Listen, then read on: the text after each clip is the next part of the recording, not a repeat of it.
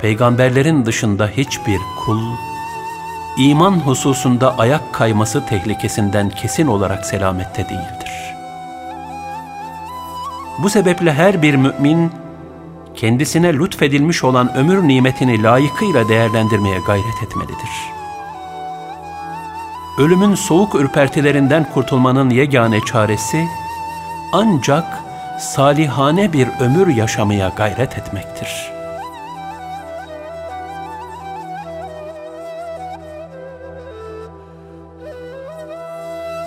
Çünkü ölüme hazırlıklı olanlar ölümden korku duymak yerine onu ebedi bir vuslat vesilesi olarak telakki ederler. Bunlar ölümü güzelleştirebilmenin huzuruna ermiş mesut kullardır. Fakat gafilane bir hayat yaşayarak ahiretini mahvedenlerse, ölümün korkunç ve karanlık girdabı karşısında soğuk ürpertiler duymaktan kurtulamazlar.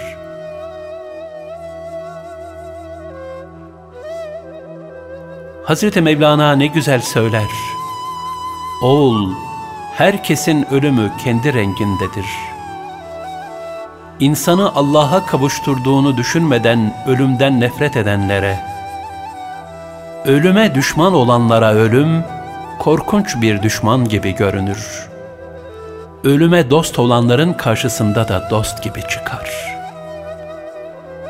Ey ölümden korkup kaçan can!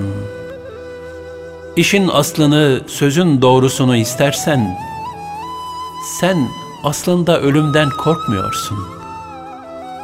Sen kendinden korkuyorsun.'' Çünkü ölüm aynasında görüp ürktüğün, korktuğun, ölümün çehresi değil, kendi çirkin yüzündür. Senin ruhun bir ağaca benzer. Ölümse o ağacın yaprağıdır. Her yaprak ağacın cinsine göredir. İşte bir kul bu dünya hayatında benliğini aşar.''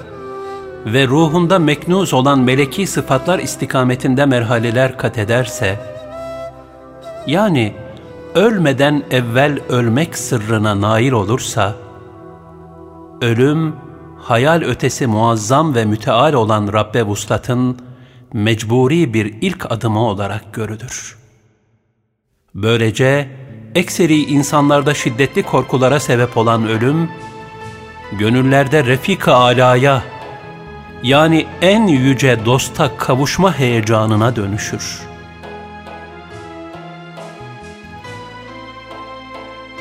Allah Resulü sallallahu aleyhi ve sellemin son anları bu heyecanın zirvesinde yaşanmış bir vuslat demiydi. O ömrü boyunca her halükarda Rabbinin emrine muhabbetle itaat halinde olduğundan, ölmeden evvel ölerek vefatını bir şebi arus haline getirmişti.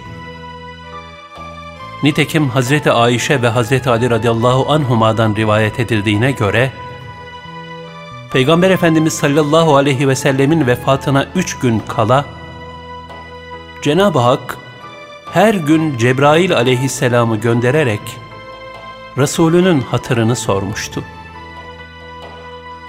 Son gün olunca Cebrail aleyhisselam bu sefer yanında ölüm meleği Azrail aleyhisselam da bulunduğu halde geldi. Cebrail aleyhisselam, Ey Allah'ın Resulü, ölüm meleği senin yanına girmek için izin istiyor. Halbuki o, senden önce hiçbir Ademoğlunun yanına girmek için izin istememiştir. Senden sonra da hiçbir Ademoğlunun yanına girmek için izin istemeyecektir.'' Kendisine izin veriniz dedi. Ölüm meleği içeri girip Peygamber Efendimiz aleyhissalatu vesselamın önünde durdu ve Ya Resulallah, Yüce Allah beni sana gönderdi ve senin her emrine itaat etmemi bana emretti. Sen istersen ruhunu alacağım, istersen ruhunu sana bırakacağım dedi. Peygamber Efendimiz sallallahu aleyhi ve sellem ''Ey ölüm meleği, sen gerçekten böyle yapacak mısın?'' diye sordu. Azrail aleyhisselam, ''Ben emredeceğin her hususta sana itaatle emrolundum.'' dedi. Cebrail aleyhisselam, ''Ey Ahmet, Yüce Allah seni özlüyor.'' dedi. Peygamber Efendimiz aleyhissalatu vesselam, Allah katında olan daha hayırlı ve daha devamlıdır. Ey ölüm meleği! Haydi emrolunduğun şeyi yerine getir. Ruhumu canımı al buyurdu. Peygamber Efendimiz sallallahu aleyhi ve sellem yanındaki su kabına iki elini batırıp ıslak ellerini yüzüne sürdü ve La ilahe illallah Ölümün akılları başlardan gideren ızdırap ve şiddetleri var. Buyurduktan sonra elini kaldırdı, gözlerini evin tavanına dikti ve Ey Allah'ım Refik-i Ala yani yüce dost diye diye Rabbine duyduğu aşk ve iştiyakın tezahürü olan nice ulvi hatıralarla dolu bir ömrü ardında bırakarak bu fani alemden hakiki aleme hicret etti. Bilirim seni yalan dünyasın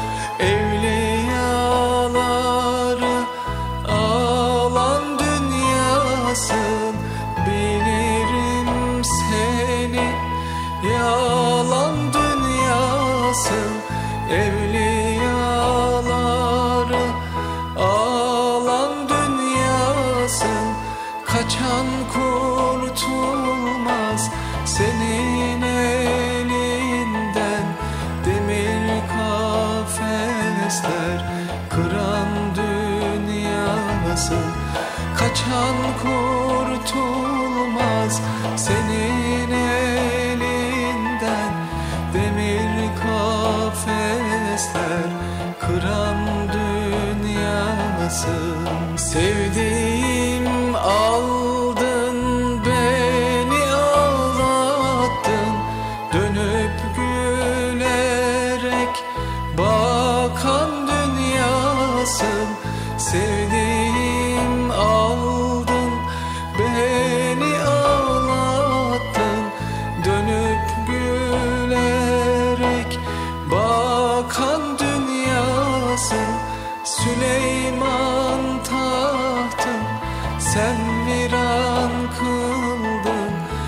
Masumlar boynun büken dünyasın Süleyman tahtın sen viran kıldın.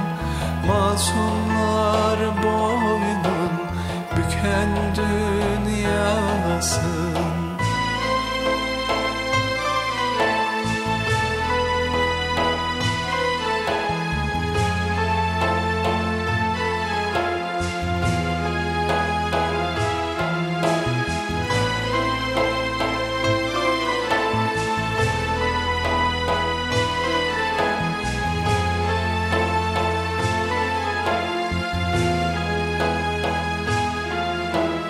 Felek değirmen çar vurur döner Onun suyunu savan dünyasın Felek değirmen çar vurur döner Onun suyunu